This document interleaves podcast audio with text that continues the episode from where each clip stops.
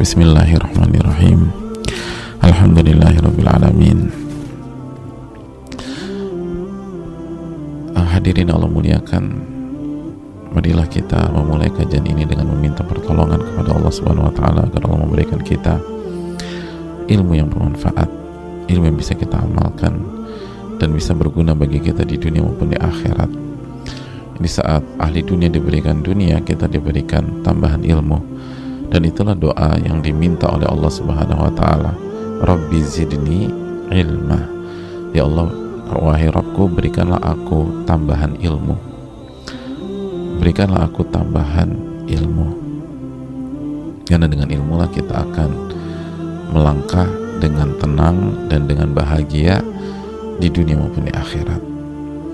Sebagaimana tidak bosan-bosannya kita bersaksi tidak ada ilah yang berhak diibadahi kecuali Allah dan Nabi kita Muhammad Sallallahu Alaihi Wasallam adalah hamba dan utusan Allah Subhanahu Wa Taala maka marilah kita mengucapkan salawat dan salam kepada Nabi kita Sayyidina Muhammadin Sallallahu Alaihi Wasallam beserta para keluarga, para sahabat dan orang-orang yang istiqomah berjalan di bawah naungan sunnah beliau sampai hari kiamat kelak. Jamaah yang Allah muliakan, uh, pada kesempatan kali ini kita akan kembali bersama ulama besar uh, di antara yang terbaik Al Imam Yahya bin Sharaf bin Murri bin Hasan bin Husain bin Muhammad Abu Zakaria atau yang biasa dikenal dengan nama Al Imam An-Nawawi rahimahullah taala. Bersama kitab yang sangat fenomenal kitab Riyadus Solihin ketika Allah Subhanahu wa taala berfirman innalladzina qalu rabbuna Allah thumma istaqamu fala khaufun 'alaihim wala hum yahzanun. Ulaika ashabul jannati khalidina fiha jazaa'an bima kanu ya'malun. Allah berfirman innalladzina qalu rabbuna Allah thumma istaqamu. Sesungguhnya orang-orang yang menyatakan bahwa Rabb kami adalah Allah lalu mereka beristiqomah dengan konsep itu. Fala khaufun alaihim walahum yahzanun. Maka tidak ada rasa takut terhadap mereka atau tidak ada rasa takut yang meliputi mereka dan mereka juga tidak bersedih hati. Ulaika ashabul jannah. Mereka adalah penghuni penghuni surga. Secara jelas mereka adalah penghuni penghuni surga. Khalidina fiha mereka kekal di dalam surga jazaan bimakanu ya'malun sebagai balasan dari apa yang mereka kerjakan. Apa arti khaufun fala khaufun alaihim walahum yahzanun? Arti tidak ada rasa takut dalam diri mereka. Dan tidak ada rasa sedih. Dijelaskan para ulama sebagaimana yang dijelaskan Al Imam At-Tabari. Tidak ada rasa takut di sini adalah tidak ada rasa takut terhadap masa depan mereka.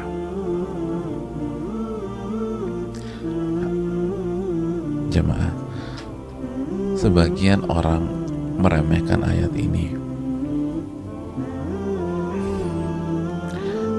karena terkesan tidak ada iming-iming barang. Tidak ada iming-iming hadiah yang bombastis.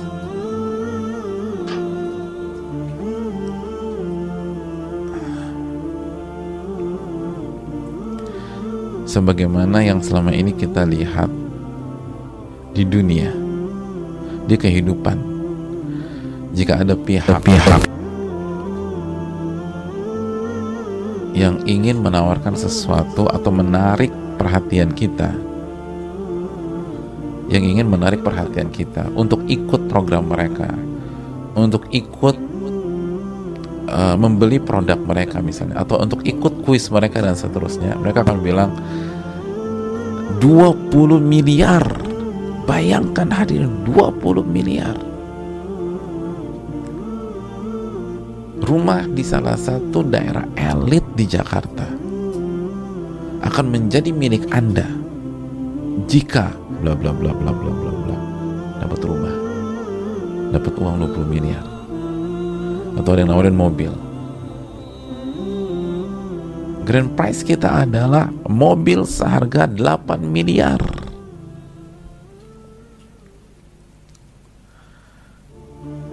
maka jutaan mata tertuju pada apa yang mereka sampaikan. Bandingkan dengan dua ayat ini. La khaufun alaihim wa lahum yahzanun. Fala khaufun alaihim wa lahum yahzanun. Mereka tidak takut dan mereka tidak sedih. Terkesan kurang menarik ya. Terus mana? 20 M nya Pak Ustadz? Nggak ada. Rumahnya rumahnya nggak ada juga. Mobil mobil. Mobil sport. Nggak ada. Jadi cuman nggak takut nggak sedih doang. Hadirin. Bagi orang yang tahu kehidupan ini yang paling penting dalam hidup. Fala khaufun alaihim walahum yahzanun penting dalam hidup adalah ketika kita menjalani hari kita tidak sedih dengan masa lalu kita. Dan kita tidak takut terhadap masa depan kita. Itu luar biasa. Kalau kita bisa kita, apabila hari ini kita kita jalani hari ini kita nggak usah bicara eh, uh, 20 tahun yang akan datang atau satu tahun ke depan. Hari ini kita hidup. Hari ini kita jalan ini tanpa ada rasa sedih tentang masa lalu kita. Tanpa ada rasa sedih terhadap kehilangan-kehilangan kita di hari kemarin di pekan lalu di tahun lalu di dua tahun yang lalu. Dan kita tidak takut sama sekali apa yang akan terjadi di hari esok. Pekan depan satu bulan lagi satu tahun lagi sepuluh tahun lagi daripada punya mobil sport? Itu lebih indah daripada memiliki sebuah rumah dengan luas 10.000 meter gitu. Di salah satu daerah elit di Jakarta. 10.000 meter bukan 1.000 bukan 2.000 bukan 3.000 10.000 misalnya. Atau satu hektar. Di jantungnya Jakarta punya satu hektar. Tapi ketakutan tapi dia sedang drop. Karena tenggelam dalam kesedihan. Anaknya meninggal pekan lalu. Anaknya pewaris tahtanya segala bisnisnya menggurita itu meninggal pekan lalu. Itu semua harta nggak ada artinya ya, semua harta nggak ada artinya.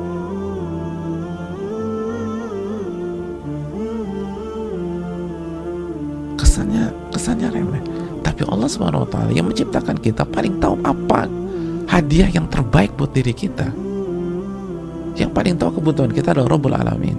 Makanya Allah katakan, "Innalladzina qalu rabbuna Allah tsumma fala khaufun 'alaihim wa lahum yahzanun."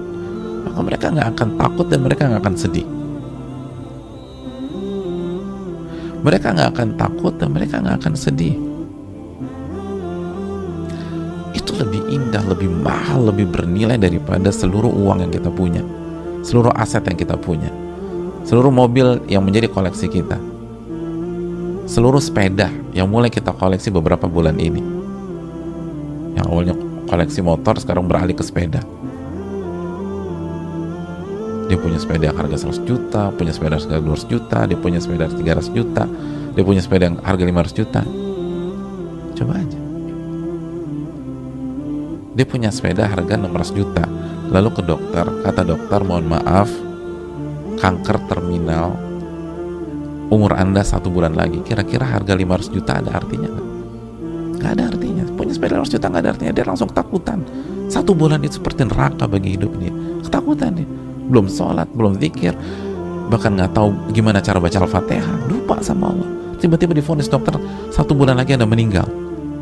Itu punya 15 sepeda. Yang satu sepeda harga 500 juta nggak ada artinya. Punya 40 motor. Yang satu motor harga 900 juta satu motor harga 500 di atas satu m nggak ada artinya. Nggak ada artinya. Kenapa? Dia ketakutan. Dia ketakutan. Orang tuh kalau udah ketakutan seluruh uangnya nggak ada artinya.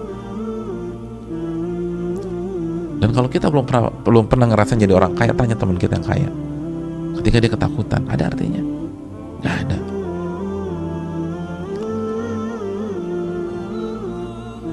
Kalau kita naik pesawat misalnya terus kita duduk di kelas ekonomi lalu terjadi turbulensi hebat di pesawat tersebut selama 15 menit. Lalu pramu kita lihat muka pramugari udah pucat.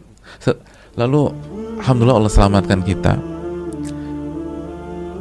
Setelah selesai turbulensi coba kalau misal kalau bisa ya coba pergi jalan ke tempatnya first class. Misalnya pesawat itu ada ekonomi class ada bisnis class ada first class. Dari ekonomi coba kita ada jalan ke first class. Terus tanya sama dia tadi ketika kejadian 15 menit tadi itu uang anda ada artinya apa enggak? Gak ada artinya coba. Gak ada artinya. Tanya yang, yang duduk di first class tuh.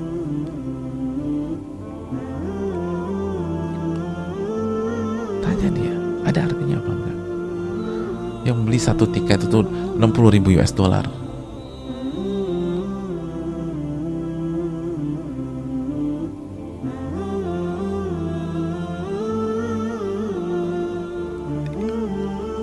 Misalnya di, di apa di uh, private jet atau beli tiket 10.000 US dollar. Atau beli tiket 8.000 US dollar. Ada rasanya nggak uang anda ada artinya ketika terjadi turbulensi begitu nggak ada artinya. Kenapa? Kan lagi takut. Orang tuh takut semua harta yang ada artinya coba makanya lihat bagaimana Allah Subhanahu Wa Taala dengan kemaha ilmunya Allah Subhanahu wa taala. Fala alaihim wa lahum yahzanun. Anda istiqomah anda nggak akan takut. Anda nggak akan sedih gara-gara dunia. Kalaupun takut takut karena Allah. Dan takut karena Allah itu positif. Kalau kita punya rasa takut kepada Allah itu nggak melemahkan kita justru menguatkan kita. Takut kepada Allah itu sensasi jamaah.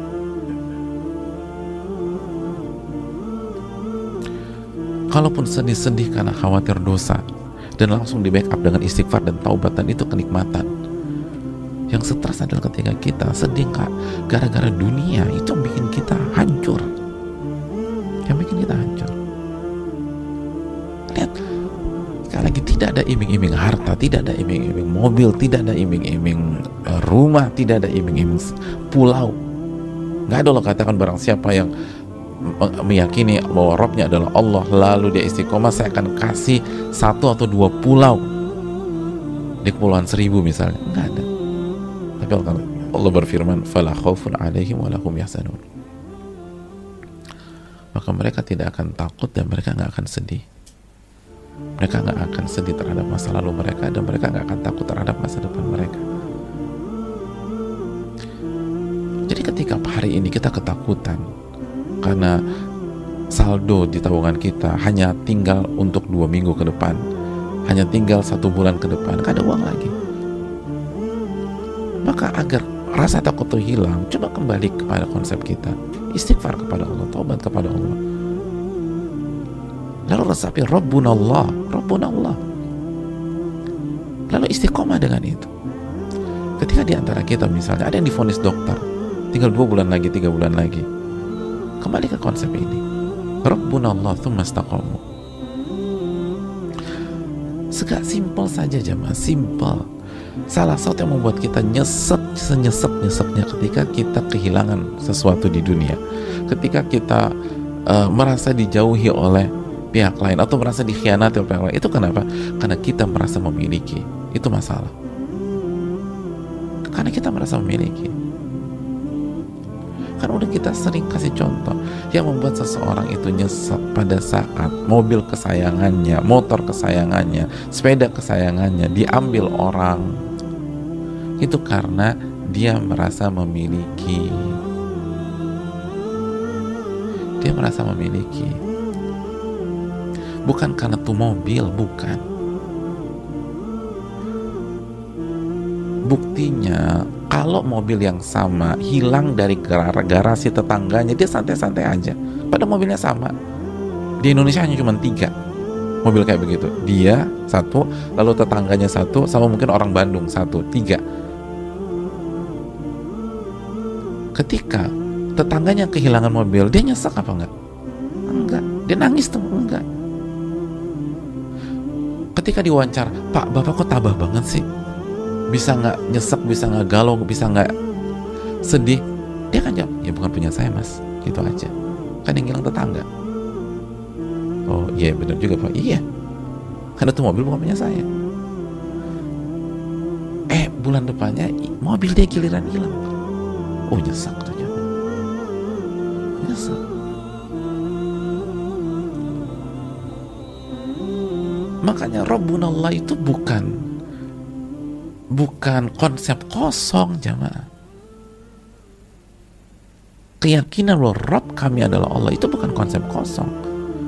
Bukan ilusi bukan asumsi belaka. Itu sangat real. Ketika seseorang meyakini dengan keyakinan yang begitu mantap bahwa saya hanyalah makhluk. Saya bukan siapa-siapa. Saya bukan bos saya bukan madam saya bukan atasan saya hanya makhluk makhluk yang Allah ciptakan lalu semua ini bukan punya saya punya Allah Subhanahu wa taala. Semuanya bukan punya saya. Allah mau ambil kapan aja itu hak Allah, bukan saya nggak punya hak apa-apa. Lalu tugas saya adalah mengikuti aturan Allah. Itu hidupnya nyaman senyaman-nyamannya. Hidupnya senyaman-nyamannya. Fala khaufun alaihim wa. Dan dia nggak akan takut terhadap masa depannya khususnya di akhirat.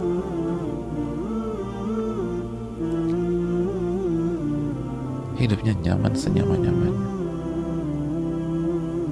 dan lebih itu hidup lebih mewah daripada hidup dengan kemewahan dunia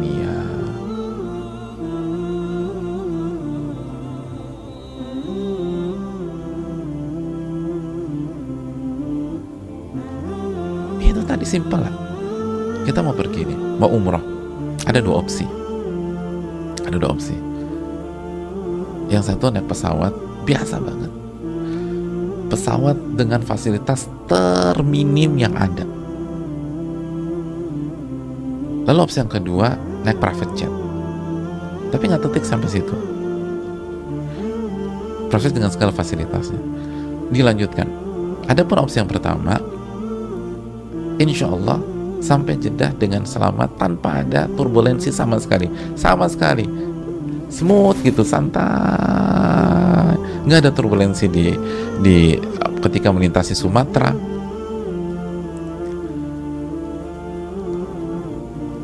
Dan nggak ada turbulensi sama sekali.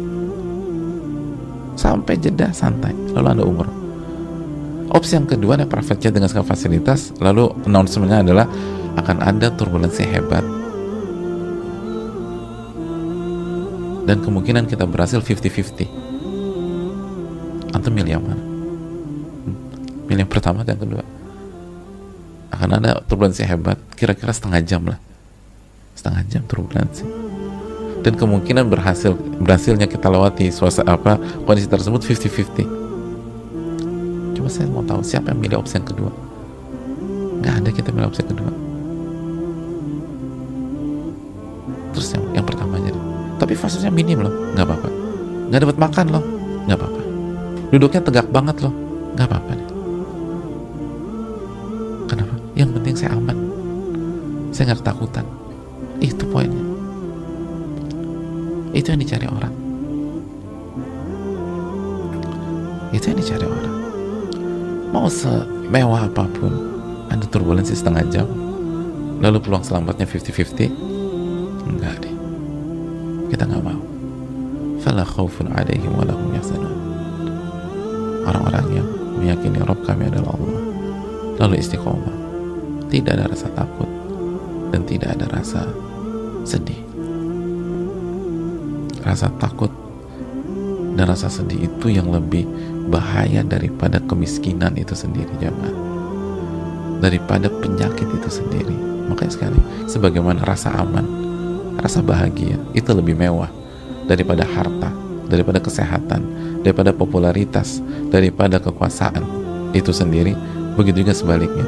Rasa takut terhadap dunia dan rasa sedih rasa takut paranoid atau sedih dan itu lebih parah daripada sakit medis itu sendiri. Itu lebih parah daripada kemiskinan itu sendiri Abu Hurairah miskin jamaah tapi beliau nggak sedih. Kalau kita bandingkan kehidupan Abu Hurairah dengan banyak orang kaya pada hari ini Abu Hurairah menang banyak jemaah Abu Hurairah menang banyak.